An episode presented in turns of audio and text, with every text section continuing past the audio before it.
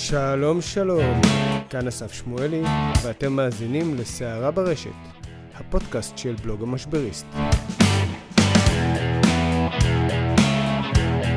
חג עצמאות שמח לרבז, הרב, רן ברזיק, אה, מפתח בכיר, אה, עיתונאי בהארץ, טוויטרן על, או טוויטריסט על, טוויטרן, כי זה טוויטרן. והאיש אה, שאולי אה, יכניס לנו קצת נורמות של פרטיות והגנה על הפרטיות ועוד כמה דברים אחרים אה, בלונג ראן. אז תודה שבאת, למרות שאני הגעתי, אבל אל תגלה לאף אחד. ברוך הבא, אנחנו בפרק מיוחד של סערה ברשת, הפודקאסט של המשבריסט, ליום העצמאות של מדינת ישראל, או כמו שרן ברזיק מעדיף לקרוא לה. הקולחוז. אז כן, אנחנו בפרק שהוא קצת שונה, ואנחנו גם נרים וגם נוריד, כי אנחנו מסכמים כבר כמה שנים של 70 ו... 70 וכמה? 70? נראה לי 73, ראיתי אלף שלט לפי, ה... לפי האחוזי ההנחה של אה, אופטיקה אלפרין. אוי ואבוי. אנחנו הילדים של חורף. אנחנו, אתה הילדים של חורף, אני, אני הילדים של הקיץ של 76. אה, זה, זה. אה, אה, וואו, אתה יותר מבוגר ממני. אז קודם כל, אה, נעים מאוד, אה, זה כיף להיות פה. אה, כשאני אומר פה, לא מתכוון לישראל, אני מתכוון בפודקאסט. אה, שמשודר, ראוי לציין מפתח תקווה, העיר שבה הכל קורה. הם המושבות, הם המושבות, גבירותיי ורבותיי, טוב, אבל הוא ייערך במודיעין. טוב, בואו נעזוב את החלק הזה. נעזוב את פתח תקווה. רן, אני יכול לדבר איתך על הסייבר, ואני יכול לדבר איתך על הספר המצוין שכתבת על JavaScript, אבל מעטים יבינו כי הם לא קראו את הספר. אז בוא נדבר ביזנס. מדינת ישראל בשנותיה ה-73 זה מקום שנכון לחיות בו דיגיטלית, או שיש לנו לאן לשאוף? יש לנו לאן לשאוף. אז אה, בוא, בוא נתחיל אולי, אם יש תמיד את הכריך המפורסם, שמתחילים עם הדברים הטובים, ואחר כך עוברים לדברים הרעים, ואחר כך נעבור לדברים הטובים. אז בוא נתחיל בדברים הטובים. יש מדינות יותר גרועות.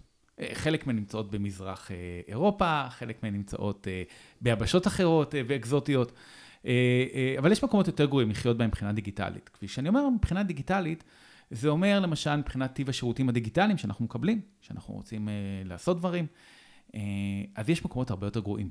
וגם אנחנו מגמת שיפור. כל מי שמכר רכב למשל בתקופת הקורונה, גילה שהוא יכול לעשות העברת בעלות דרך האינטרנט. וזה עובד טוב. זה סטארט-אפ. זה, זה- זה יתפוס. זה יתפוס וזה מעולה, אני עשיתי את זה וזה עבד מעולה.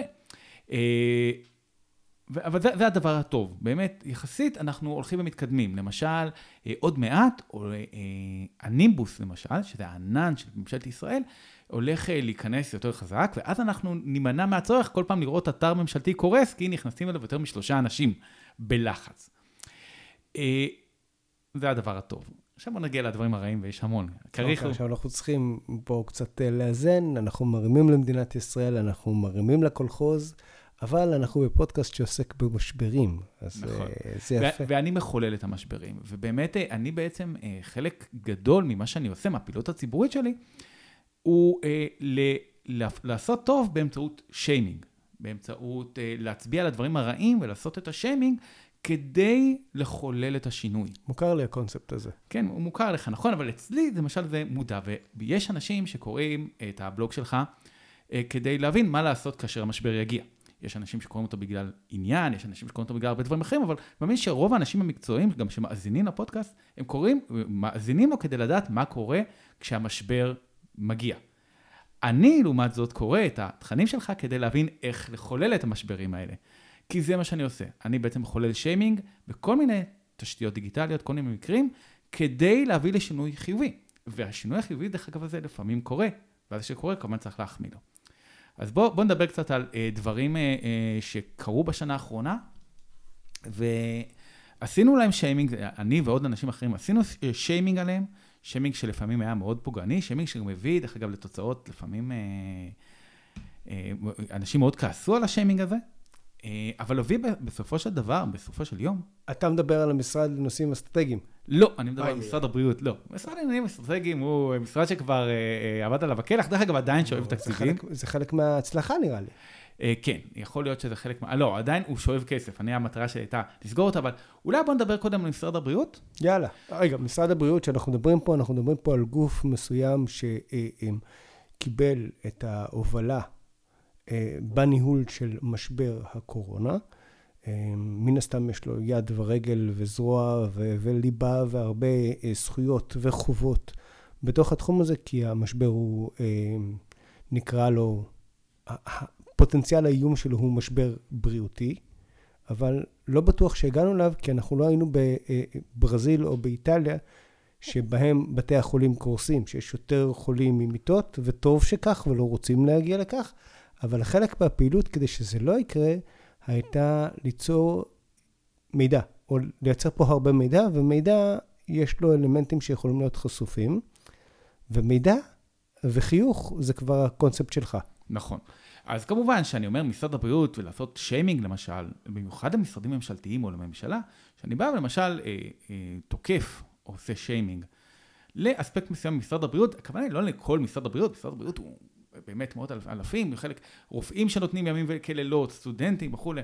אז אה, לא, הכוונה היא לחלקים מאוד מסוימים. גם כשאתה עושה שיימינג לגוף גדול, למשל לאוסם, חברה גדולה, משרד ממשלתי, אני לא בא ואומר שכל המשרד הזה רשע, אני פשוט מאיר אספקט מאוד מסוים.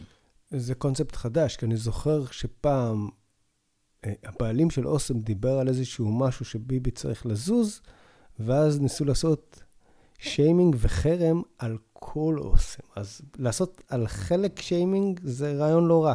תמשיך. כן, כי ככה גם, אה, גם, הרי הבעיה בשיימינג, שאם יש לך סנטימנט חיובי כלפי הגוף, אוקיי, ויש לנו סנטימנט חיובי כלפי משרד הבריאות, הוא, הוא פעל ברובו בצורה מאוד מוצלחת במשבר הקורונה, לא משנה איך נסובב את זה. אה, והתוצאות הן נראות לפנינו. אז אם יש לי סנטימנט חיובי כלפי הגוף, אז שיימינג לא יצליח, אז צריך מאוד למקד את זה. ובמקרה שלי, מיקדתי את זה בעצם אה, בצוות, ה, בוא נגיד את זה ככה, המחשוב של משרד הבריאות. והאמת היא שהסיפור של משרד הבריאות בקורונה התחיל דווקא בצורה חיובית. אה, כמובן שזה חורג מהסקופ של השנה, אבל לפני שנה ושלושה חודשים הם יצאו עם אפליקציית המגן ועשו את הכל נכון. מפתיע. טוב, אמרנו שהיום אנחנו גם נגיד, נרים למדינה. אני חושב שאני זוכר שבתחילת הדרך אני הרמתי לך וואטסאפ, תשים לב כמה מידע הולך להיות באיזושהי נקודה, בטוח יש שם איזה כשל, ואתה אומר לי שזה היה נכון. אה, לא, זה היה אחר כך, יום אחר כך מצאנו איזשהו חור אבטחה שם, אבל לא רוצה להיכנס לסיפור הזה. בואו ניכנס לסיפור של אפליקציית המגן 1, אפליקציה שיצאה ממש בבהילות, אה, אבל הם עבדו שם מאוד מאוד נכון, הם שיתפו גורמים אה, אה, של אבטחת מידע, חוקרי אבטחת מידע מאוד בכירים. אה, עמרי שגב מויה למשל, שהיה שותף שם ונתן חותמת אישור. נתנו למשל פרופסור בינהק, שהוא פעיל פרטיות, מומחה פרטיות, הוא לא פעיל, הוא גם פעיל, אבל גם מומחה, הוא נתן את, את אישורו. ו, ובאמת עבדו, נתנו עבודה מאוד מאוד טובה, גם פתחו את הקוד והכל היה נורא שקוף. ואמרנו, וואו, ופתאום מדינות אחרות באו ללמוד מאיתנו איך עושים, והרגשנו ממש על הגל, ואז איכשהו הכל השתבש. אה, והשתבש בצורה נוראית בהמון המון המון אספקטים. כי פתאום הם ירדו מהקטע הזה של לשתף את הציבור ולשתף מומחים, ואז פה אני נכנסתי לתמונה. מה בעצם קרה, כאילו, מה קרה שם בגדול? אה, בגדול... בלי טכני. בלי כאילו, טכני. כי אתה אומר לי שהם שיתפו מומחים ואז... הפסיקו, למה? אני לא יודע. אה, אבל הם הפסיקו לשתף מומחים, ואז התוצאות היו קטסטרופליות. מה זאת אומרת קטסטרופליות? כי שוב, הכל נבנה פה על אמון. אז קודם כל, באמת, האמון הציבורי בממשלה נפגע בשנה האחרונה, וגם האמון, אה, ספציפית, בחלקים מסוימים במשרד הבריאות, נפגע. ולמה הוא נפגע? כי שוב, לא, לא הקפידו על שקיפות, ולא הקפידו על שיתוף מומחים, לא הקפידו על שיתוף אנשי אבטחת מידע. אוקיי, זאת אומרת, הם לא באים צריכים לתת, אה, אה, אה, להסביר לציבור במונחים טכניים, אבל אם למשל הציבור יודע שמומחה אבטחת מידע, סתם, ניתן דוגמה, עמרי סגב מויאל, שהוא באמת איש אבטחת מידע מאוד רציני, בא ונתן סטמפת אישור, אז הציבור זה מספיק. והם הפסיקו לעשות את זה, והתוצאות היו קטסטרופליות. ניתן דוגמה עם הדרכון הירוק וה-QR קוד, למשל זו דוגמה מאוד מאוד טובה. אה, או הבאג של גילה גמליאל. או. או. או. או. אז בואו נדבר על הבאג של גילה גמליאל. יאללה, בואו נדבר על זה. אז, אז גילה גמליאל, אה, היא אה, עשתה מעשה שעליו גם היא קיבלה עליו שיימינג רציני, שברה סגר. אוקיי? אה... שברה, ש... שברה שמירה, כן. לא, שב... אה, אה, תשמע, היום אנחנו אחרי החיסון, אנחנו יושבים אחד מול השני בלי, בלי מסכות שלנו מחוסנים, הכל בסדר. הם לא רואים את זה. מה? הם לא, לא רואים את זה. זה פודקאסט, זה כן. כל הקטע של פודקאסט. פתח תקווה, פסטורלי, אנחנו יושבים, אני ואסף יושבים אחד מול השני, אה, טוב, נו. אה, בחדר המבולגן של הבן שלי, ו... ו- ומדברים והכל בסדר, כי אנחנו יכולים ללכת לצאת לחוצה והכל, אבל תקופת ימי סגר, לא ראיתי את ההורים שלי חודשיים, ופתאום היא הלכה להתפלל בבית כנסת בטבריה. זה שהייתה אולי סיבה טובה, או לא הייתה סיבה טובה, בסופו של דבר לא הגישו נגדה כתב אישום, לא אפילו לא שילמה את הקנס, זה סיפור אחר. אבל אז הזעם הציבורי הלך וגדל, הלך וזה, וגם נאמר, גם פורסם שהיא שקרה. ואחר כך פתאום, אחרי אה, תקופה מסוימת, אומרים, לא, היא לא שקרה, היה באג במערכת. באג במערכת זה אוזניים שעולות. אוזניים שעולות, כי אני מתכנת. ובלי להיכנס, אני לא נכנס פה למונח טכני אחד. אבל בבאגים יש תיעוד. ויש הסבר, זה לא באג במערכת, זה לא איזה שד קדמוני שבא ואמר, או כן, למה היום אה, זה, יש באג במערכת. לא. ואז התחלתי להעלות שאלות, והתחלתי בעצם לבצע את השיימינג. והשיימינג היה גם כלפי גילה גמליאל, אבל פה הרבה פחות, אלא הרבה יותר נגד. נגד משרד הבריאות, שלא מספק מידע לציבור. כל השיימינג בעצם היה, תנו לנו את המידע, יש באג, תנו לי את התיעוד שלו. תנו את ההסבר שלו בקוד, שלא, שלא בשביל הקוראים, הקוראים לא יכולים להעריך את זה, אבל תנו את זה למומחים טכניים. תנו את זה לי, אני מומחה טכני, תנו את זה למומחה טכני אחר, שיסביר. אני שומע את הפעמון בדלת, נראה לי זה הנתונים הגיעו, או שהם לא. עוד לא הגיעו? לא הגיעו גם, לא, לא וזהו, משרד הבריאות סירב, ואז באמת היה המון המון רעש סביב העניין הזה, המון המון המון תגובות, כמובן, גם בפייסבוק, גם בטוויטר, דרך אגב, המשברים שאני מחולל הם עם שני ראשים, לפעמים שלושה, אחד טלגרם, השני טוויטר, השלישי פייסבוק. אוקיי, אני שם לעצמי טלגרם לשאול אותך אחר כך, תמשיך. אוקיי. אה, ואז כשהמשבר הזה התחולל, בעצם משרד הבריאות סירב לדבר איתי, ואז הגשתי בקשת חופש המידע. אה, יחד עם העמותה... אה, זכויות דיגיטליות? כן, לא, לא זכויות דיגיטליות, כמובן שעכשיו אני שכחתי, וזה יהיה לדיראון עולם. אבל גיא זומר, אחד בעמותת התמנון. יש פה קסם שאתה לא יודע אותו. תגיד, הגשתי בקשה. הגשתי בקשה, אה, בקשת לא, לא חוף. לא, אתה לא הבנת את הקונספט. אני כרגע יכול לחתוך, אני לא יודע, כי זה, זה מצחיק, אז יכול להיות שאני לא אחתוך את זה אה, אה, בפועל. כן. אבל אני, אתה לא יודע שפה אני יכול לחתוך בתוכנה, ואז כאילו זה fix. אני בטח אחתוך כי חרקתי. כן. גיא זומר, הגשתי בקשה. למדת את הטריק. כן.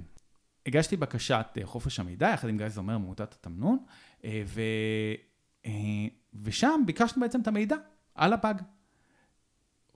ארבעה או חמישה חודשים אחר כך, משרד הבריאות, ברוב טיפשותו, ייאמר, סירב. ואז נהיה עוד משבר שיימינג. שזה הדבר הכי מטופש שיש, כי אם הם מספקים לי את המידע, ואני בטוח שיש מידע, אוקיי? אלא אם כן באמת הם מטייחים את זה, כמו שיש חשד מאוד כבד, אבל אפילו אם הם מספקים לי מידע שקרי. האם הייתי יכול לחולל מזה משבר? או, אז בואו שנייה אחת, אנחנו ניקח פה איזושהי, את המושכות באיזושהי צורה שהיא משברית. יש קושי במה שאתה עושה, שהוא עדיין לא משכנע את הציבור. הקושי הזה נובע מנורמות מאוד נמוכות וציפיות מאוד נמוכות וצורך מאוד נמוך כרגע של הציבור בנוגע לשאלת הפרטיות. אנחנו עדיין חיים בעידן שבו אנשים יכולים בקלות לתת את מספר תעודת הזהות שלהם, את כל הפרטים שלהם בחנות בשביל ה... תו קנייה או מה שזה לא יהיה, הם לא רואים כאילו יותר מדי בעיה. ואתה ומספר אנשים נוספים, אני לא אפנה את שמם כי אני אשכח מישהו אחר, mm. ואז הם ייעלבו וזה לא יהיה בסדר, ואני אשם וזה בסדר, אז תביישו אותי שאני לא נותן קרדיט לכולם. באים ומתריעים. עכשיו, טעות, ואנחנו לפי דעתי גם נחזור עליה, שזו פרקטיקה שקורית ללא מעט דוברים, זה שהם מפחדים מהשיימינג על האירוע עצמו, תחת נורמות שהן לא בהכרח הכי חזקות שיש, ואז הם הולכים לנורמות אחרות, כמו לדוגמה לנסות להשתיק, או לנסות לקנות, או לנסות לטייח, ובנקודה הזאת אתה מחכה להם במערב. כן, הרבה פעמים לא תאמין כמה תגובות לא נכונות של דוברים בעצם מעצימות את המשבר בצורה קיצונית. מה לא תאמין? בוודאי שאתה יודע. גם רוב האנשים שמאזינים לפודקאסט, אני מאמין שיודעים, ואם לא באמת, אה, ועכשיו גם ככובע עיתונאי, הרבה פעמים תגובות לא נכונות אה, הופכות את האייטם להרבה הרבה הרבה יותר מעניין, במקרה הזה של משרד הבריאות בוודאי, כי אם הדובר אה, היה בא ומספק לי במשבר הראשון פרטים מדויקים ומלאים, נותן לי לדבר עם האנשים הטכניים, ויש שם אנשים טכניים, אז המשבר הזה היה גובע. האירוע נגמר. האירוע נגמר, הוא לא היה מתחיל. ובפעם השנייה, כשכבר קיבלתי, קיבלו את בקשת חופש המידע, קודם כל התעכבו איתה המון המון זמן. ואז במקום לתת לי שוב פרטים מדויקים, להציע לקשר אותי לאדם טכני, נתנו תשובה באמת מטופשת, לקחתי את האירוע הזה ומינפתי אותו אפילו עוד יותר. כי גם הפרטים שנתנו סיפחו אותם בבוץ עוד יותר גדול, לא רק שהם חשפו שם שהם אולי מנסים לטייח, הם חשפו את זה שאולי הנורמות הפיתוח שם הן כל כך ירודות שאי אפשר לדמיין. עכשיו, ואם יש קהילה שאוהבת לעשות שיימינג לנורמות פיתוח ירודות, זאת קהילת המתכנתים. קהילת האליטיסטים. כן, נכון. אה, כי יש המון מתכנתים שעובדים בנורמות מאוד מאוד גבוהות. והנורמות המקצועיות של קהילת המתכנתים, קהילת ההייטק הישראלית, הן מאוד, הן גבוהות ברמה קיצונית, כי שוב, על זה אנחנו נמדדים. אף אחד לא לוקח מתכנת ישראלי כי יש לו עיניים יפות בגלל שהוא ציוני. לוקחים אותם כי אנחנו באמת, נורמות הפיתוח בישראל הן גבוהות. לא משנה איך אתה מסובב את זה, ויש ביקורת, ויש... הכל בסדר. נורמות גבוהות. יש חתירה לאיכות, למצוינות. יש, יש חתירה לאיכות, כי שגם, בין אם אתה סטארט-אפיסט או מפתח בחברה, בתאגיד אמריקאי או במרכז פיתוח אחר, אתה יודע שאתה חייב להצדיק את עצמך. ואז, ו, ו, ויש גאווה מקצועית, ופתאום, שבא ובאמצעות התגובה של הדובר, או באמצעות התגובה לבקשת חופש המידע, הם באים ואומרים אה, אה, שאפשר להבין מזה, כי זו המסקנה המתבקשת, שיש נורמות פיתוח מאוד ירודות, אז יש דם במים. יש דם במים. ואז היה משבר שני. אה, וזה היה לא נחמד לאנשי משרד הבריאות, איך אני יודע? כי קיבלתי גם איומים אנונימיים, שמאוד הצחיקו אותי. אבל... אבל פרסמת אותם. בוודאי שפרסמתי אותם. שזה מאוד תורם לתהליך של השיימינג. כן. אז זה... אני אעצור אותך שנייה אחת, כי בטוח שיש אנשים שמקשיבים, לפחות שתיים, לשלוח איומים על מי שמפרסם, כשמסתכלים על התוצאה, יכול להיות מאוד שהוא באמת ירגיש, יחוש מאוים ויפסיק, רוב הסיכויים שמי שהלך את האקסטרה מייל הזה, יפרסם את האיומים. זאת אומרת, זאת פרקטיקה שלו. אם אתם מביאים אותי להרצאות, או מביאים מישהו אחר להרצאות אצלכם, אז לזכור, איומים להוריד. לא עובד. לגמרי, זה לא עובד. שוב, גם מאוד תלוי מי המאוים. אם המאוים הוא אדם אה, קשה יום שעושה... אה, כן, אבל מי, שעשה, מי שהלך את האקסטרה מייל, כן. ו, אה, ובעצם שם את עצמו בחזית מול אותו גוף, הוא כבר נמצא במקום שיש לו פחות מה להפסיד, הוא כבר יצא החוצה. נכון, גם הרבה פעמים גם צריך לבדוק, וזה לא עושים, דרך אגב, לא עושים את זה, לא בודקים. מעבר לזה שזה לא חוקי, אבל זה... לא, אני לא מדבר על איומים, אה, בוא נדבר דקה. יש איומים, באמת האיומים שאני קיבלתי, באמת איומים לא חוקיים, איומים פליליים, איומים על אה, שלומי, על אה, שלום המשפחה שלי, בסדר. אבל יש גם איומים חוקיים, אוקיי? למשל, הגשת כתב התראה לפני תביעה, או תביעה ישירה, אם אתה, מאיזושהי סיבה. זה איומים שהם לא, לא משפיעים בכלל. אה, תלוי על, רגע, כן הם משפיעים, תלוי על מי. נכון. אם זה אדם ממוצע, בן אדם רגיל, דרך אגב, כשאני קיבלתי את ההתראה אה, לפני תביעה, הפעם הראשונה שלי, זה חוויה טראומטית. כי אתה קורא את זה, אתה לא רגיל לקרוא מסמכים כאלה, אתה בטוח שזהו, החיים שלך בזבל, אתה הולך, כאילו, עכשיו כל החיים לשלם על הפוסט המסכן הזה שעשית, הנטייה הטבעית היא למחוק ולהעלים את זה. עצרו. נכון. אם זה אדם שהוא מנוסה בזה, עיתונאי שיש לו למשל גיבוי ממערכת, או אדם שיש לו יכולת כספית. אוקיי, דוגמה טובה היא למשל אותו שוטר. ליד הגמון. מה? שטובה את ליד הגמון. כן, מי תובע מיליארדר שאלוהים יעזור לך? אלוה, כן, זה... היה מדהים, מדהים פשוט לראות את זה. אני רוצה לעשות ספוילר. הפרק שאחרי יעסוק גם בזה. וואו, מהמם. כי, כי זה למשל דוגמה, אסור לך, יש אנשים שאם אתה מאיים עליהם, אז זה רק יעצים את המשבר, וזה בדיוק מה שקרה. באתי, פרסמתי את זה בפייסבוק, בטוויטר, בכל מקום אחר, אה, וזה עשה עוד יותר משבר. אתה יודע מה, אגב, סליחה שאני לוקח אותך למקום אחר, זה פרק יום עצמאות, מותר לי, זה גם הפודקאסט שלי. כן. יש איזושהי תפיסה מסוימת שהשיימינג שייך לעולם החוק. תפיסה שהיא מוטית. כי שיימינג בעצם זה ביוש על רקע חברתי. נכון. נורמות, לפעמים אנחנו מסכימים על הנורמות, לפעמים אנחנו לא. אנחנו לא מדברים כרגע על קטע של ניבול פה ועוד חריגות מדברים כאלה, שהופכים לא. את זה להוצאת לשון הרע קלאסית. נכון. עכשיו, יש הרבה עורכי דין שקופצים לתוך התחום הזה. נכון. ולא פעם אני מקבל טלפונים מאנשים שהיו במשפט ושהשופט אמר להם, כדאי לכם לסגור את ה... למשוך את התביעה, והפרצוף של הנתבע חקוק להם יותר חזק מאשר הפגיעה שהייתה, לכאורה, בעקבות השיימינג. זאת אומרת, החלק הזה הוא יותר חזק, ההתקפלות הזאת. נכון. שמישהו אומר לך, כן, אתה לא... זה, זה... דרך אגב, זה קורה המון לצערי, אה, כך שמעתי, דרך אגב, השמועות אומרות שיש המון עורכי דין שיש להם קשיי פרנסה ומשכנעים אנשים, אתה פונה לאיזה עורך דין שבדרך כלל אתה לא מכיר, פונה לאיזה עורך דין ואומר לך, כן, תתבע. למה? כי הוא גוזר את כבר את הקופון שלו. אז אה, אם אין לכם עורך דין בריטיינר, תחשבו טוב לפני שאתם תובעים דיבה, גם אם עשו לכם שיימינג נוראי, כי, כי החוק הוא באמת אה, מאוד מאוד שונה. וגם דבר שני, תשקיעו שלוש שניות בגוגל לפני שאתם ניגשים לתביעה, אה, זה גם חשוב. והרבה פעמים, שוב, תגובה נכונה והולמת מסובבת אייטמים. דוגמה, אתה יודע מה, ניתן דוגמה, תן דוגמה שמפרגנת. חיובי, חיובי, חדשות החיוביות, חיובי. הכי חיובי שיש. דוגמה לאיך תגובה נכונה לאייטם יכולה פשוט לפוגג אותו. שוב, ואייטם אצלי זה לא רק אייטם בעיתון, זה גם ביוש מול כל קהילת הטק. אז בואו ונתחיל. למשל, משרד החינוך. גוף שאני כמה פעמים התקוטטתי איתו, ויום אחד גיליתי תקלה בדף הלוגין לאיזושהי מערכת, אני לא אגיד איזו. ו, וזה באמת הייתה תקלה, דרך אגב, שיש לה השלכות פרטיות, לא, לא פרצת אבטחת מידע, ראוי לציין, לא פרצת אבטחת מידע, אבל השלכות פרטיות חמורות, אוקיי? משהו שחושף כל תלמיד במדינת ישראל באופן תיאורטי לחברה זרה. אוקיי, נשמע, ו- וזה אייטם, תחשוב על כזה דבר, ולא שמעת עליו כי אני לא פרסמתי אותו. למה לא פרסמתי אותו? כי זה לא היה נכון. לא, זה היה נכון, ב-100%. זה היה נכון ב-100%. פניתי למשרד החינוך, תוך שעה הדובר חוזר אליי, אומר לי, תשמע, זה לא מערכת שלנו, זה מערכת של חברה אחרת שאני לא אגיד את השם שלה, אה, שהיא קשורה למשרד החינוך, כמובן אותי זה לא מעניין, דרך אגב, כי mm-hmm. אם זה ספק שלך, זה עדיין האחריות עליך. אם נופלת עליי כספת מלמעלה, לא של מי יצרן הכספות, אני בודק מי הפיל את הכספת. הוא אמר, תשמע, זה לא זה. אתה שורד אותה. כן, כן, קרובי משפחתי שתובעים את הזה. אבל בוא נחזור אחורה. הוא אומר, תשמע, זה לא אנחנו, הנה, אה, אני אבקש מהאנשים הטכניים של ספק המערכת ליצור איתך קשר.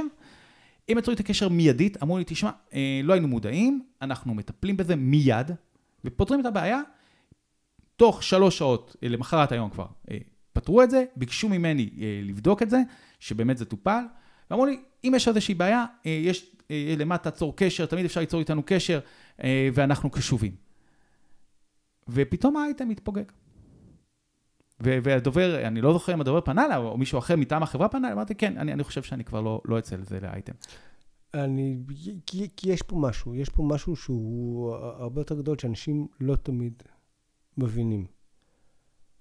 המטרה היא לא לתלות אתכם בכיכר העיר. זה נכון שהציבור, לא פעם, יש תחושה שהוא צמא לדם הזה של להתליע בכיכר, אבל ברוב הפעמים, אם אין שם אינטרס אישי ואינטר... או, או, או חוסר תום לב, וזה כבר לגמרי בתחום הדיבה, בשיימינג יש משהו יותר חשוב. המשהו החשוב הזה הוא תיקון. נכון, לגמרי. וברגע שמתוקן, אז אה, פחות חשוב. במקרה הטוב תקבלו faming על זה שתיקנתם. כן, ויש לי גם דוגמאות ל faming. דרך אגב, נכון, שיימינג הוא מתפשט הרבה יותר חזק. אני רואה את זה למשל אה, אצלי, כשאני כותב אייטמים חיוביים, אה, וכשאני אומר שאני כותב אייטמים, זה לא רק אייטם אה, בעיתון, אלא גם שוב מתלווה לזה פייסבוק, טוויטר, טלגרם ועוד דברים אחרים. לפעמים גם כתבה בבלוג שלי, שזה גם, גם זה נותן איזשהו עוד נפח במיילים, יש לנו רשימת תפוצה. אז לפעמים יש שיימינג שהופך ל faming, אבל ה faming הוא הרבה פחות, אם אין לו טוויסט. הוא, הוא צריך להיות משהו, faming כמו שיימינג הוא סיפור, אבל בגלל שהנטייה שלנו הרבה פעמים למצוא את המשהו הפחות טוב, אז הפיימינג לפעמים צריך להיות כתוב יותר טוב. אגב, סליחה, חגיגת יום עצמאות ישראל, זה קולחוז וכן הלאה. אני לוקח כיוון למקום אחר, היות וזה פרק זה.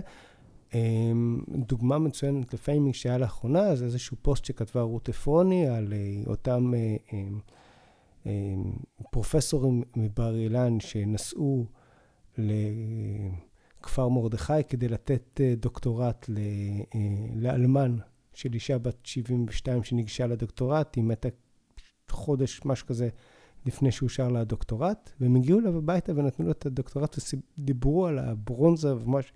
הנושא של העבודה. הסיפור הזה שהיא כתבה, עף ברשת כמו, אני לא יודע, הפיימינג הזה פשוט עף. למה? כי הוא היה כתוב טוב, כי היה בו איזשהו כן, כי טוב. יש לו... יש לו קטע טוב. עכשיו, בנושאים טכניים, הרבה פעמים קשה לייצר את הקטע הטוב בפיימינג, חוץ מההתגייסות. עכשיו, נכון, קשה לעשות פה שיימינג turnaround, אבל היי, עדיף אפס מאשר מינוס. כן, דרך אגב, אני אתן דוגמה אה, שגם היא קרתה השנה הזאתי, אה, בהקשר אה, של דוד אמסלם, פיימינג, שאני עשיתי לו. שר הסייבר.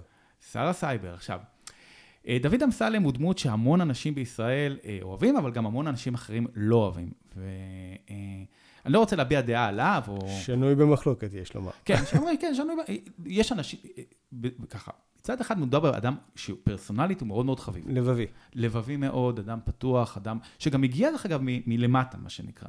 שפילס את דרכו, אה, דרכו הפוליטית בעשר אצבעות, אפשר לומר. מצד שני, מדובר באדם שהוא אגרסיבי, שזה בסדר גמור, אה, וגם, וגם שוב, שר הסייבר, ודיברנו כבר על... אה, התנסות מסוימת. כן, גם א', אתה עוטף אותה מאוד יפה. כן, לא, עוד פעם, אני גם הגעתי מהפריפריה החברתית. ונכון שאני נראה כמו אשכנזי, ואני מדבר כמו אשכנזי, אבל אני לא. אני לא בכלל, לא שחצי חצי, אני לא. באתי מבת ים. אז אני, אני מאוד מזדהה גם עם דוד אמסלם, אבל מצד שני יש המון המון התנשאות אליו, גם בצדק, כי שוב, אנחנו חותרים בקהילת הדיגיטל סייבר טכנולוגיה, חותרים למצוינות זה, ואז מגיע דוד אמסלם עם הדגים שלו, ויש מלא מלא פאשלות, אז הנטייה הכי טבעית לבוא ולהגיד, הנה, לכו דברו עם שר הסייבר, חה חה חה. ונורא נורא קל לעשות לו אה, שיימינג, מאוד קל. אבל אני חושב שיש עליו פחות שם ממה שהיה על דני דנון. טוב, נו, דני דנון. זה לא, אני כל פעם מתבלבל, לא משנה. אני לא אכנס לזה, אבל אמרנו דוגמה לפיימינג, ודווקא גם בעיתון הארץ, שאתה חושב על זה, ודווקא בקהל הטכנולוגי, כי הוא בא, אה, ומשהו שהוא שיימינג turnaround, מה שנקרא. כי הוא בא, כשהייתה את אה, המשבר הראשון, את הסגר הראשון, הוא בא והוציא איזשהו חוק, איזושהי תקנה של בזק, אה, של קו בזק, שמי שחרג מהחבילה שלו, של קו בזק, לא ייתנו לו את הקנס, אלא פשוט רק יחייבו אותו לחריגה. נשמע כמו משהו הכי מטופש שיש, והדובר שלו יצא עם זה. והוא חטף הרבה. והוא ו... חטף על זה על הראש. מה, מי מתעסק עם בזק, שר הסייבר, חככה. עכשיו, אני ראיתי את זה, שוב, אמרנו ששיימינג זה עניין של תיקון עולם. לפעמים גם פיימינג. כי אני ראיתי את זה ואמרתי, רגע, נכון, כל המגיבים שצוחקים עליו וזה, וגם תייגו אותי כמובן, כדי שגם אני אשתתף בחגיגה ואתדלק את השיימינג, אבל פתאום אני אומר, רגע, למה הוא עשה את זה? ופניתי לדובר. ותגיד, זה מה שאתם מתעסקים בקורונה?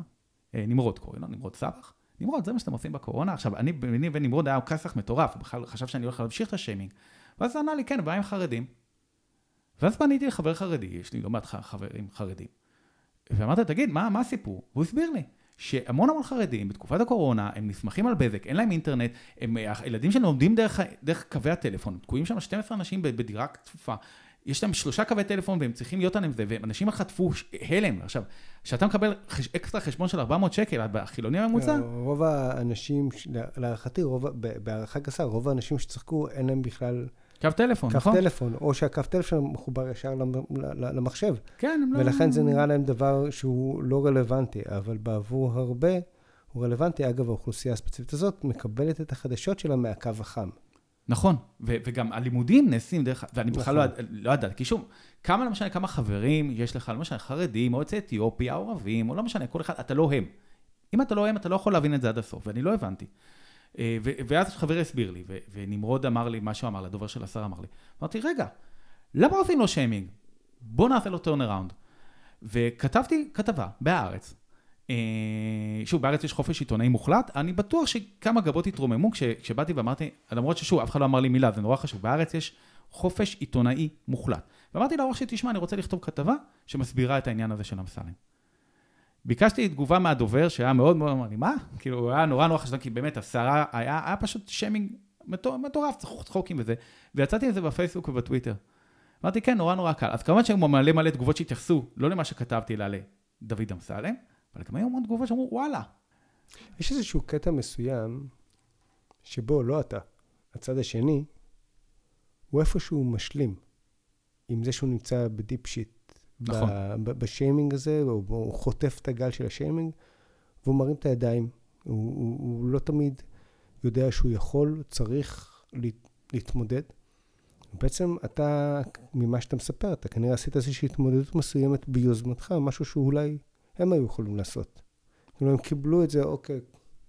נכון. אות, אות, אותם כללי הטקס עוברים שוב, אבל בנקודה הזאת הם יכלו להסביר את זה בצורה אחרת. נכון. הישועה באה מהצד. אה, קודם כל, אני לא מתיימר לבוא ולתת, אתה יודע, את השיקולים הפוליטיים, אבל זה נכון. הרבה פעמים כשאנחנו חוטפים שיימינג, התחושה המקורית, כאילו הטבעית, היא חוסר אונים, ואוקיי, אז אני אנתק את האינטרנט, אני אעזוב, באמא שלכם תעזבו אותי, ויכול להיות שגם הם עשו את זה ואמרו, אה, כאילו, אני אומר, השר והצוות שלו, חייבים לציין שבמקרה מסוים, לפחות בליכוד, יש תפיסה מסוימת שככל שהתקשורת יורית עליך, זה מביא יותר מנדטים. אז נכון. אני לא יודע מה היו פה השיקולים. כן, יכול להיות. יכול להיות מאוד שזה היה מתוכנן, זה בסדר, לא, מותר. אה, כן, אבל מי, אה, מי שצחק זה לא התקשורת, התקשורת לא התייחסה לזה בכלל, זה היה Mm-hmm. בפייסבוק ובטוויטר, זה אנשים שגם חלק מהם הם הקהל של אה, מצביעי ליכוד. אוקיי, אה, יש מתכנתים של מצביעי ליכוד, אני חלק מה- מה- מהקהילה הטכנית, נכון, כולם חושבים שמאל וזה, אבל יש אנשים שמצביעי ליכוד, וזה לא נעים, כי לא זאת- כולם מצביעים, לא כולם קונים קינוע בזה. אה, כן, לא כולם קונים קינוע בניצת הדובדבן. אני אוהב קינוע, דרך אגב, לא משנה, תגיד את זה לאף אחד, אני אשאיר אותי במשפחה. לחתוך את זה? כן, תחתוך, אתה- כן, תחתוך את זה מיד. אה, בכל מקרה, אז אנחנו לא יודעים מה, מה, מה הנורמות אה, או יש פה זה, אבל אני בדרך כלל אומר שזה לא נעים להיות באמצע, במיוחד שלפעמים אתה עושה את זה, אני בטוח שהוא עשה את זה ולא תכנן שפתאום יהיה פה אה, ברדק רציני, וזה למשל פיימינג שנעשה מתוך, אה, אה, מתוך, גם מתוך אותו רצון, שמביא אותי לפעמים לעשות שיימינג, תיקון עולם. וזה דבר שקורה, דרך אגב, ויש באמת לא מעט תגובות של אנשים שמסובבות על זה. בגלל זה מאוד מאוד חשוב באמת להיערך לשיימינג, במיוחד אם אתה גוף מסחרי, דרך אגב. אפרופו גוף מסחרי. מה שלום שירביט?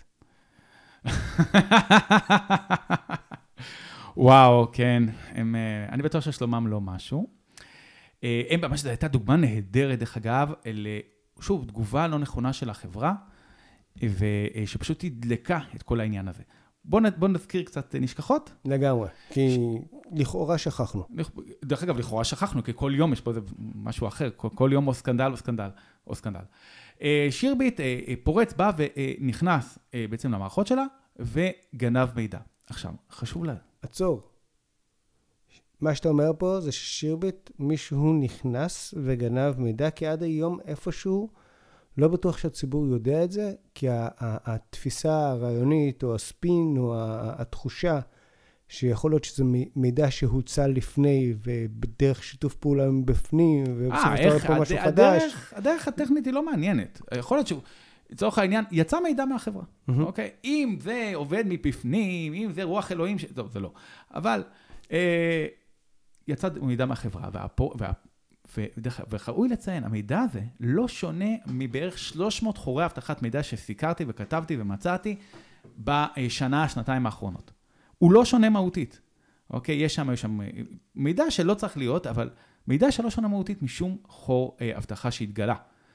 מה השתנה פה הפעם? העודף ביטחון וההקטנה של החברה, פלוס מהצד השני, היא יכולת שיימינג מטורפת ומאוד אה, על רף המשעשעת.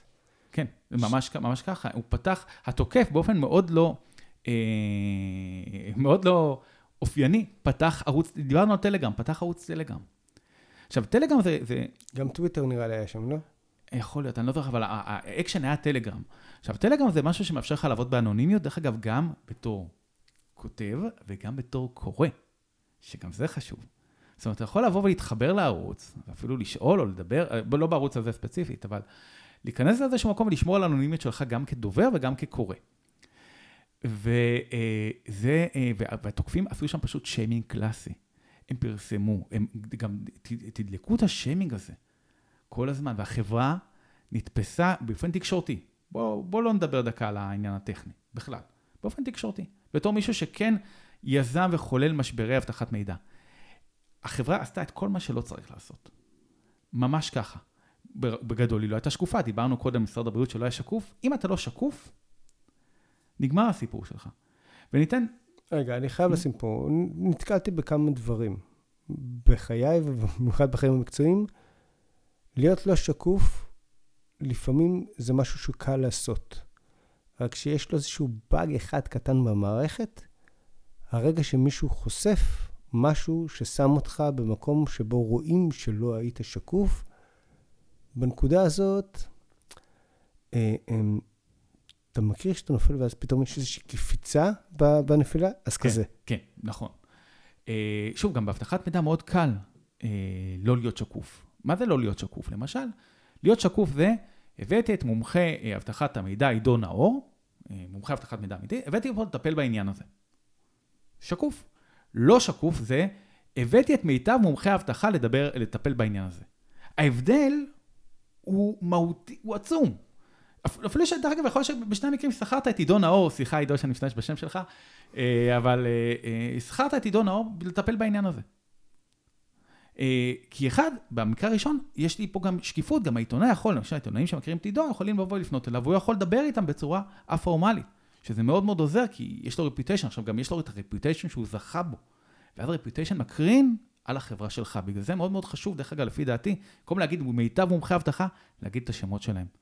מיטב מומחי האבטחה זה עדיין אותו נוסח של ניהול משברים קלאסי לפני עידן הרשת. כן. זאת אומרת, היום אנשים, ברגע שאתה אומר מי, הם עושים את הגוגל לבד, הם משלימים.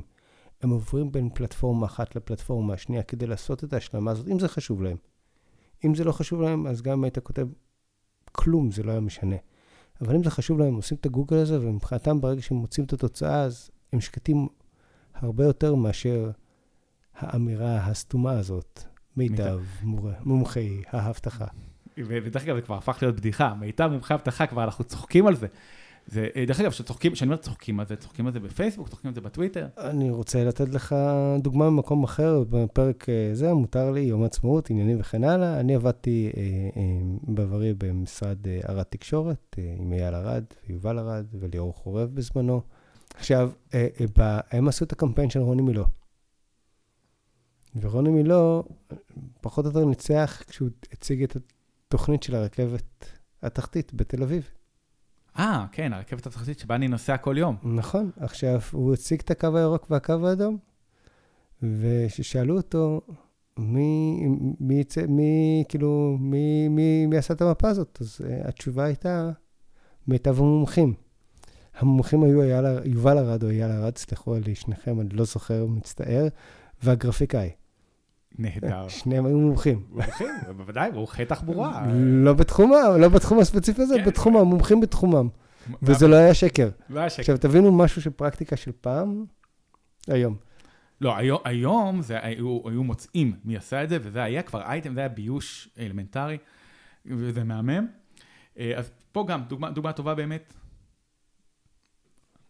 דוגמה טובה באמת לאיך... אה, אלא איך לא, לא עובדים. אז וככה שירביט באמת עבדה, היא לא הייתה שקופה, היא לא סיפרה. עכשיו, ניתן למשל דוגמה אחרת, של חברת... אה, אה, גם, שנייה, יותר מזה, אני חושב שהפער הגדול פה הוא שכשיש דליפת מידע כזאת, אז נשאלת השאלה, מי נמצא במשבר? האם זאת החברה שנמצאת במשבר, או שאלו הלקוחות שלה? גם וגם. ועכשיו מעצים את הכל. נכון. עכשיו, הלקוחות נמצאים במשבר, והם לא יודעים בכלל שהם נמצאים במשבר. את המשבר הם יחוו שבאמצעות הנתונים האלה ייצרו איתם קשר, ויהיה הרבה יותר קל לעשות להם פישינג, כי הם מקבלים הודעות מסוימות שהן הרבה יותר ברורות, משלימות מידע, וככל שיש יותר מידע בתוך הדבר הזה, אסף שמואלי שגר בכתובת X ו-Y, שמספר תעודת הזהות שלו X ומספר הטלפון שלו Y, קיבלת חבילה כלשהי, שרוב הסיכויים שרוב האנשים מזמינים משהו, אתה לוחץ, אה, ואתה בפנים. לפעמים. עכשיו, אלון, זאת הבעיה הגדולה ששירביט גלגלו ללקוחות, ואני חושב מבחינה תדמיתית וטיפול במשבר, הם לא התייחסו אליה. הם לא בעצם באו ואמרו ללקוחות שלהם, כרגע, זאת הבעיה שלכם, אנחנו נדריך אתכם מה לעשות.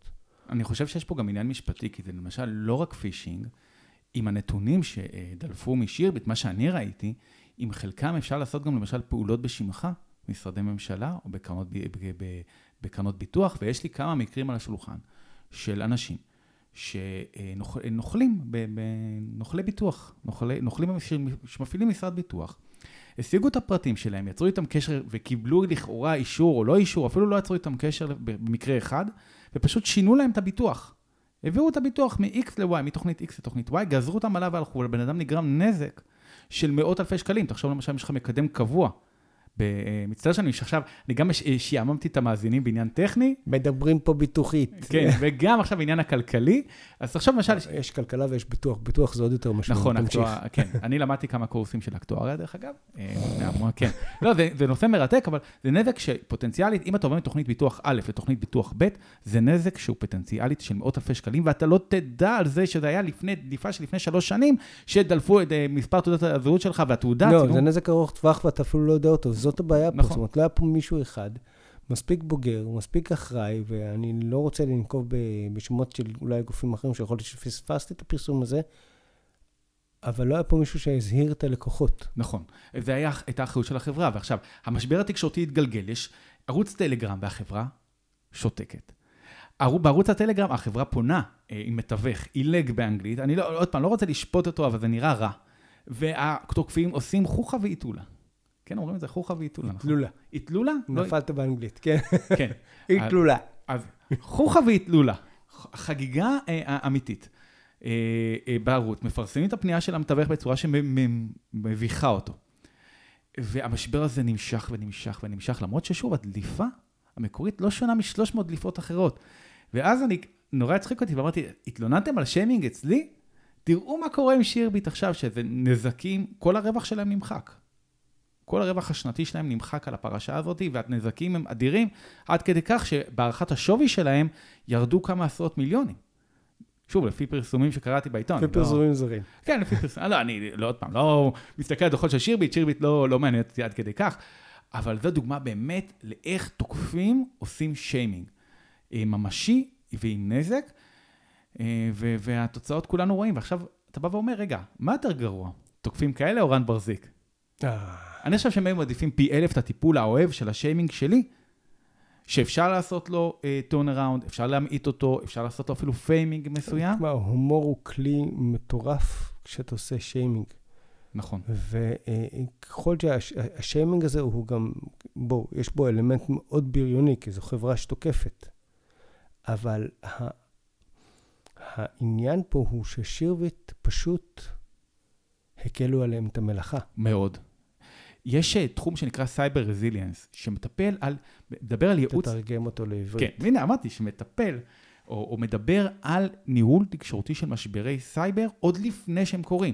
כי זה, יק- באמת, זה יקרה לכל ארגון.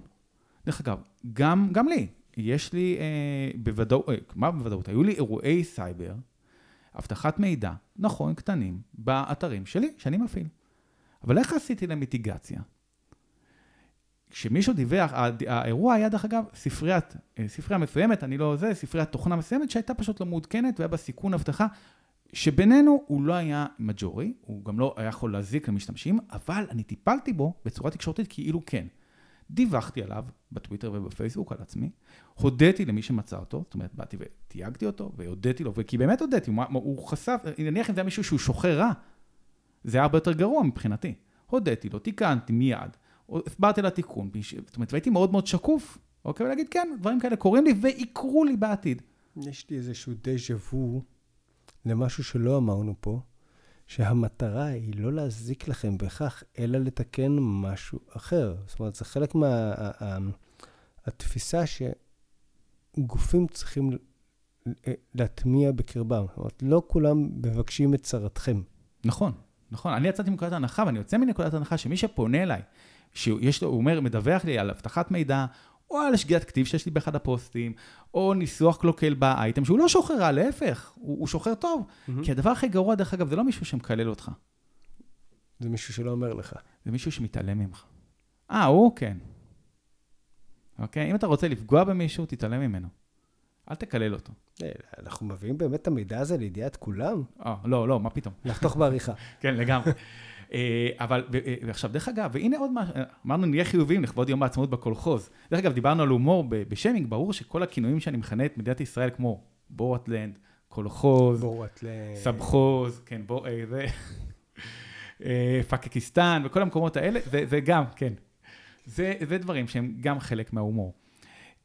ואני אתן דוגמה למשהו שגם משרד ממשלתי עשה, gov.il, עשה כמה דברים נגד שיימינג. רגע, אנחנו מרימים קודם, או שאנחנו נמשיך עם המשרד לעניינים אסטרטגיים?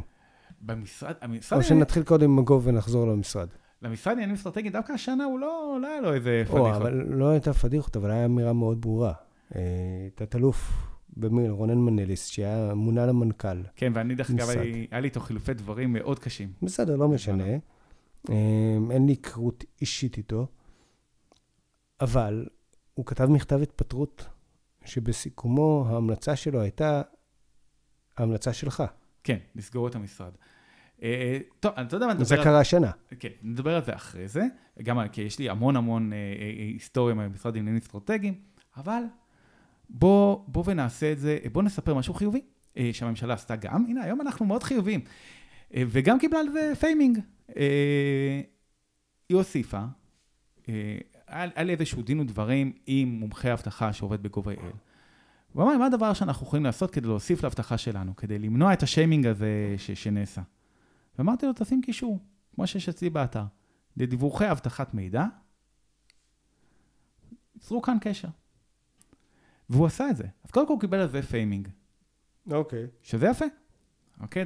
למרות שהממשלה לא טועה, זה מוכר לי מאיזה ספר, אבל כן. כן. לא, אבל עובדה שהם עשו את זה. ואז אמרתי, טוב, בוא נעשה, אה, בוא נבדוק אותם.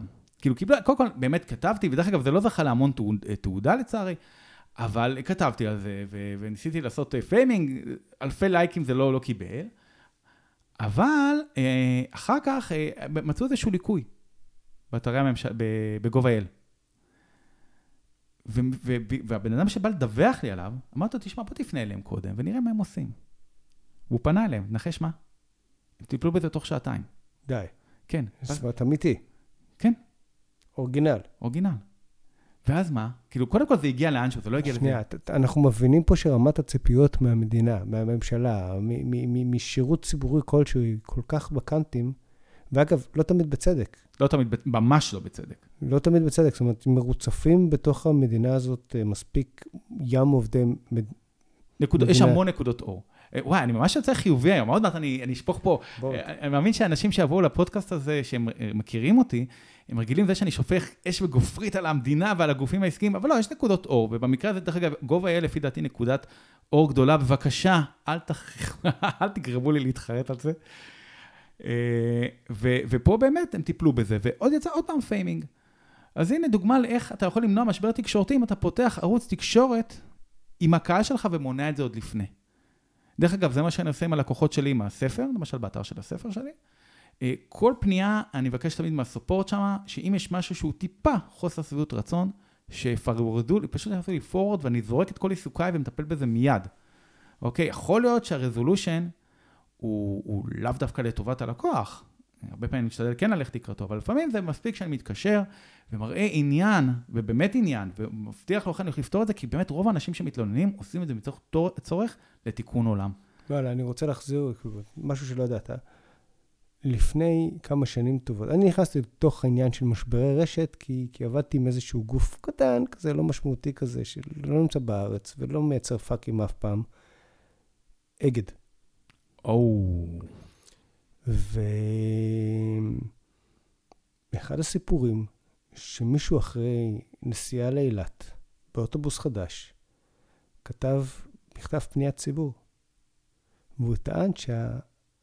לא נוח, הכיסא לא נוח. עכשיו, בנסיעה בעיר זה לא משנה, אבל כשאתה נוסע כארבע שעות לכיוון, זה משמעותי. והם מדדו והם גילו באמת שהייתה איזושהי בעיה בזווית, וכתוצאה מהפניית ציבור הזאת, הם תיקנו את כל הכיסאות. וואו. אני חושב שזה זה משהו שהוא מדהים. אז לדוגמה, זה לא היה נכנס לשום כלי תקשורת. היום לדוגמה, פוסט כזה, הוא היה עף. הוא היה עף, נכון, אבל... כן, היום זה היה, זה היה faming. אז שוב, אה, זה דברים שאפשר, אבל אנחנו מדברים גם על, על משברים שיכולים, דרך אגב, אה, ש, שמתרחשים ואיך אפשר למנוע אותם. אז במקרה, למשל, של שירביט שדיברנו עליו קודם, אה, חברה מסחרית אחרת, שאני לא אציין את שמה, המקרה הזה כן התפרסם, אבל שוב, אני לא אציין אותם, הם אה, אה, פרסמו את ה... אה, הם, אה, קרה להם מקרה שפשוט פורץ אחד פרץ לכל האתרים שמאוחסן אצלם, מאוחסנים אצלם, סליחה, בגלל איזשהו באג אצלם. לא אציין מה. והם, בהתחלה, בשעות הראשונות, תגיד, הקופסה הזאת זה שם, או שזה לא הקופסה, זה משהו שנלחץ? מה, איזה? לא משנה, לא הבנת את הרמז, הכל בסדר. אה. או, הבנתי, לא, אנחנו עושים את זה עם אה, אקרוסטיקון. אקרוסטיקון. אה, כן, אם תקחו את המילה הראשונה בכל מה שזה ותחברו את כן. זה, תקבלו את, כן. אה, בכל מקרה, אה, רן הת- התחייב פה כרגע להגיד את שם החברה בדבש בסוף הזה. נורא. לא, אני לא אגיד את השם שלהם, כי א', אני לא אוהב, וב', באמת הם נהגו בש- בשקיפות. כל כמה שעות הם עדכנו בפייסבוק ואת הלקוחות שלהם, וגם בסוף גם נתנו ריוויו על מה קרה שם, וזה היה יכול להיות הרבה, אישו הרבה הרבה יותר גדול.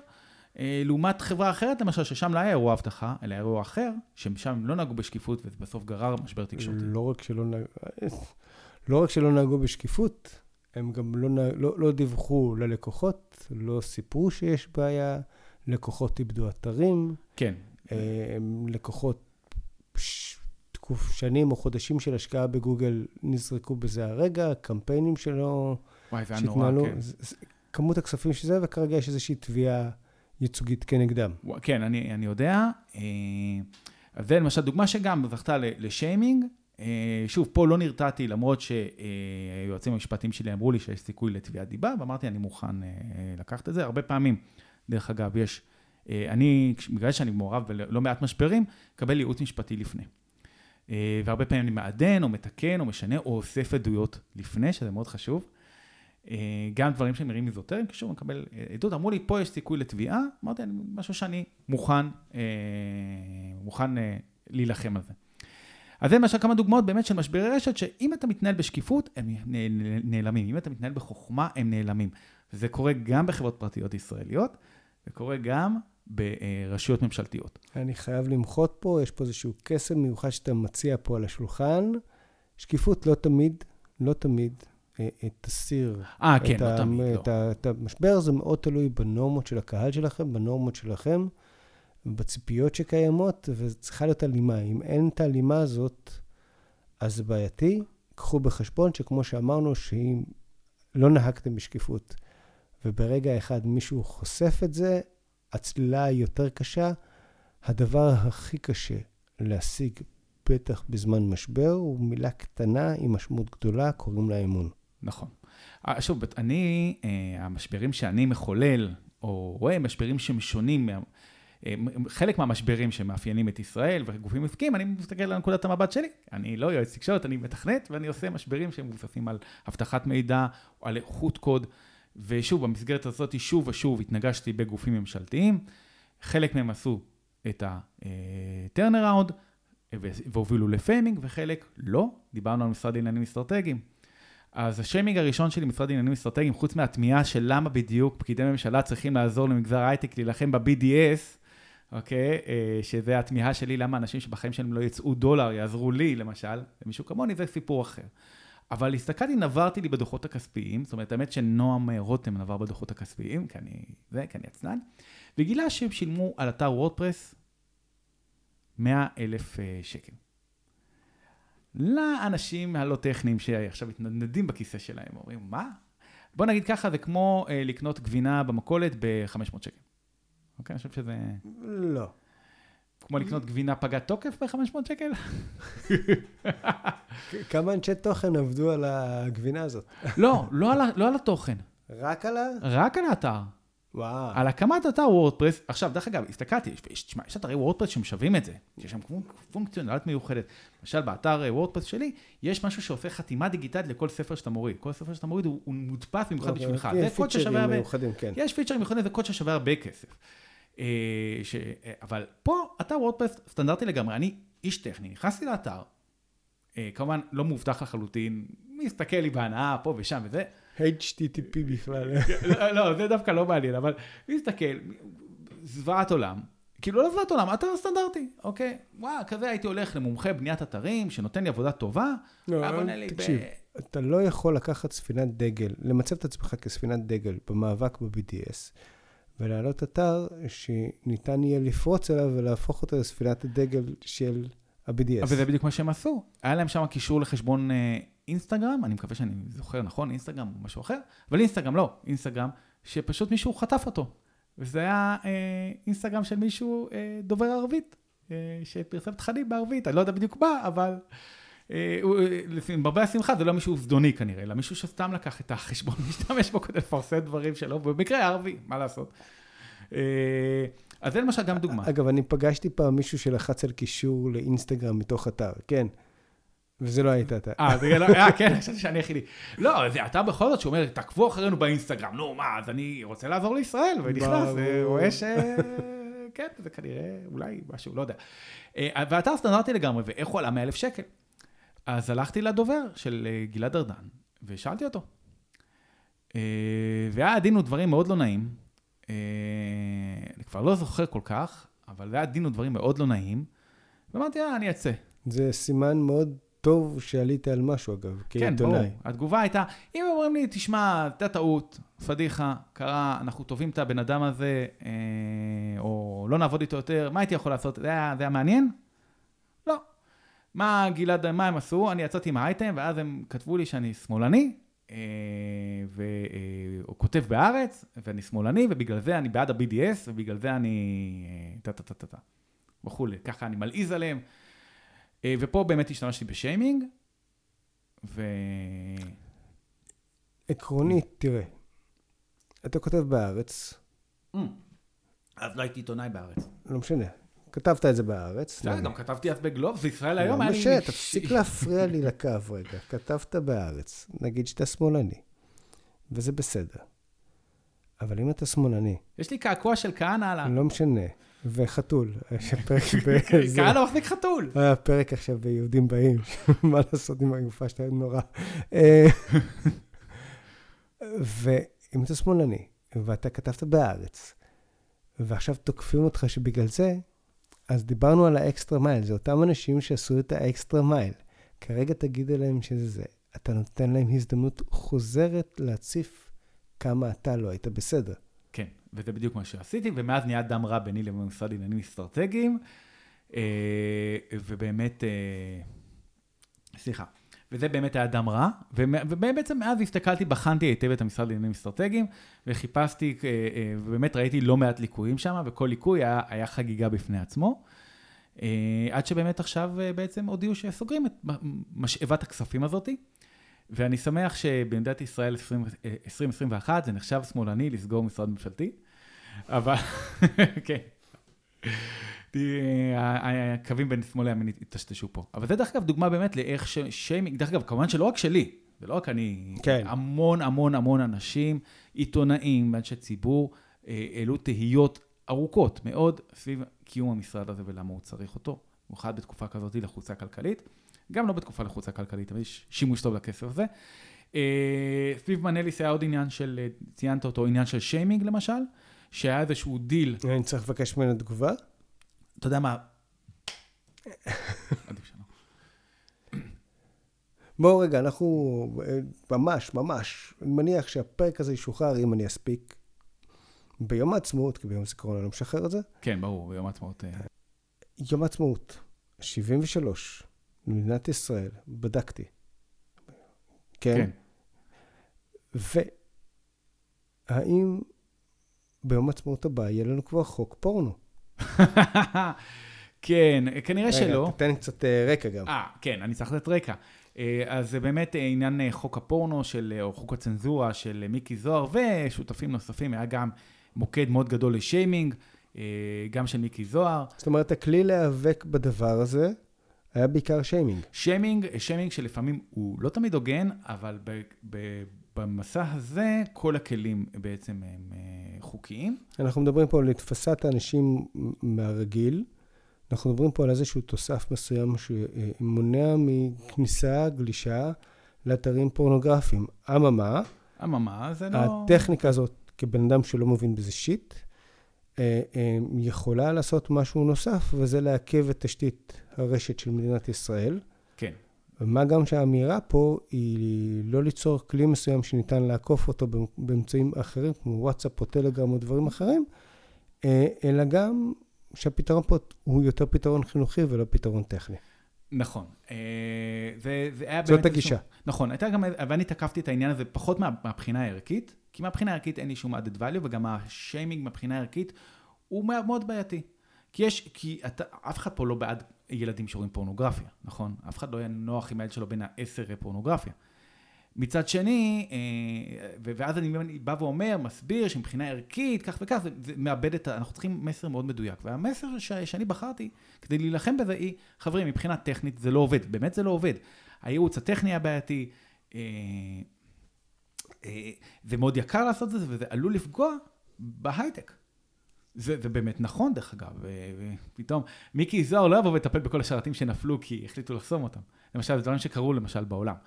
אה, ככל שעובר הזמן, כמובן, החוק הזה הולך ומצ... אה, והופך להיות פחות רלוונטי, כי רשת האינטרנט כבר הופכת להיות בלתי ניתנת לצנזורה. אה, מיקי, זוהר, מיקי זוהר, דרך אגב, היה המוקד של ניסיון השיימינג הזה, וכל הזמן, דרך אגב, זה משהו שמזכירים לו את זה. אני גם אישית הזכרתי את זה בפרשה האחרונה שלו, ואז באתי למשל, והשתמע... כיוון שאני כל הזמן לא מרפה על זה, כי המטרה היא לא למנוע, מיקי זוהר לא יעביר את החוק הזה בחיים, הוא חוק מטופש.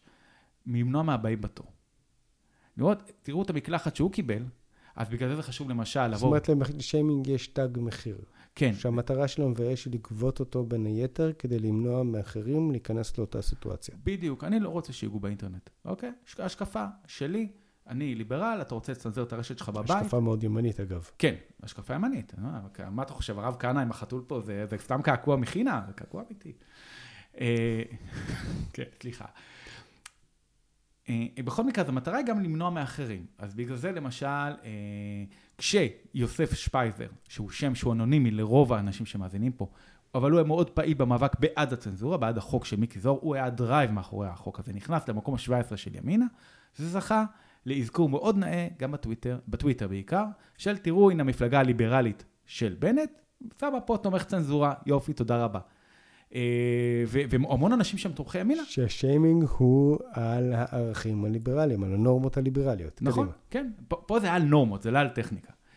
אה, במקרה של מיקי זוהר, שוב, תקפתי אותו במקרה שהבן שלו הצטלם עם שורות של קמח אה, לבראוניז, אבל אנשים רעים, שהם לא אני, אמרו שזה קוקאין, אמרתי, כתבתי, הנה אדם שמחנך את הבן שלו בצורה כל כך טובה שהוא מצטלם ליד שורות של קמח, הוא בא להטיף לי איך לחנך את הילדים שלי, אוקיי? ש... בחייאת. אוקיי? הבן שלי לא מצטלם באינסטגרם ליד קמח, הוא בכלל באינסטגרם, דרך אגב. אז אה, אם כבר מדברים על צנזורה, כי אני בבית שלי אוכף, כן, אני לא נותן לילדים להתחבר לאינסטגרם, אה, או לטיק טוק. אבל זה בבית שלי, אני לא מכריח את הילדים שלך לא להתחבר, להתחבר, זה mm-hmm. השקפה שלך. אז השיימינג הזה הוא משהו שנעשה כל הזמן כדי לשנות נורמות, ואני חושב שהמקלחת הקרה שמיקי זוהר ושותפיו קיבלו בעניין הזה, אולי ישכנעו אנשים שאולי תקדמו את הצנזורה ואת ההסברה ואת החינוך, אבל לא, לא את הצנזורה שלכולם. תעשו צנזורה בבית שלכם, אני מוכן להסביר לכם גם איך. תחתכו את הכבלים מבחינתי. אוקיי, מדינת ישראל, מה אנחנו נעשה? סליחה, בורטלן, איך אנחנו נהיה ב-74? האמת היא, אני חושב שיותר, אם, קודם כל אנחנו צריכים לתהות אם נתקיים בשנת עוד שנה, זה ידה ידה ידה. אבל... עברנו את פרעה, נעבור גם את קורונה. האמת כן. שאני חושב שאנחנו נהיה במצב יותר טוב, כי אני רואה שיפור. אני מריח פה אופטימיות. כן, אתה מריח פה אופטימיות, נכון? אני... אולי לא נראה כמו בורטלנד, אולי בורטלנד מינוס, כאילו משהו שהוא קצת טיפה יותר, כאילו לא נראה כמו מדינות אחרות, לא נראה כמו אסטוניה, אבל אה, הסיכ... אה, בדברים מסוימים התשתית הממשלתית מאוד משתפרת, הזכרתי קודם את נימבוס, הענן המשת... הממשלתי, לא נראה עוד נפילות של אה, אתרים. אה, אולי גם אה, בצד הממשלתי יותר ויותר ממשל... באמת יתחברו למשל למערכת הזיהוי הדיגיטלית, אז נראה פחות דליפות מידע. אה, יתחברו יותר לכל מיני שירותים יותר מקצועיים ונראה פחות בלאגן. מהצד הממשלתי. בצד המסחרי אולי החברות יבינו שמשברי רשת, זה, במיוחד סביב נושא הסייבר, זה משהו שצריך להיערך אליו מראש. זאת אומרת שאתה צופה עלייה בנורמות הפרטיות בקרב תושבי המדינה. כבר עכשיו אני מרגיש את זה. אוקיי? כבר אף אחד לא אומר לי, מה אכפת לי, אה, כאילו, לפחות אף אחד שיש לו חצי מוח מתפקד, לפחות, אומר לי, מה אכפת לי, גם ככה הסינים יודעים עליי הכל בח בח בח. לא. אה, אני רואה עלייה בנורמות, אני רואה עלייה בנורמות החברתיות, אני רואה שיפור בהכל. אה, האיום אה, המרכזי שיש לנו, גם גם הצנזורה היא משהו שכבר לא, לא קיים. יש, יש כמה איומים אה, מרכזיים, אוקיי, של הפרה של מדינה, של, חוק, של חוקי הפרטיות, של נורמות הפרטיות, למשל מעקב על השב"כ, משהו של השב"כ, משהו שלא היה, לא נתפס בכלל בעבר ועכשיו הוא יותר.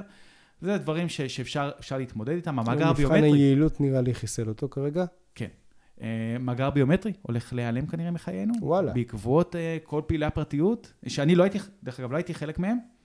Uh, המון פעילי פרטיות שפנו לבג"ץ, התנועה לזכויות דיגיטליות, יונתן קלינגר, אוקיי? עורך דין. כן, עורך דין, יונתן קלינגר, אדם שהיה מאוד פעיל בעניין הזה, גלית לוביצקי למשל, עורך דין, עורכת, דין גלית לוביצקין, אחר כך הם יתבעו אותי, זה נורא מסוכן להתעסק איתם.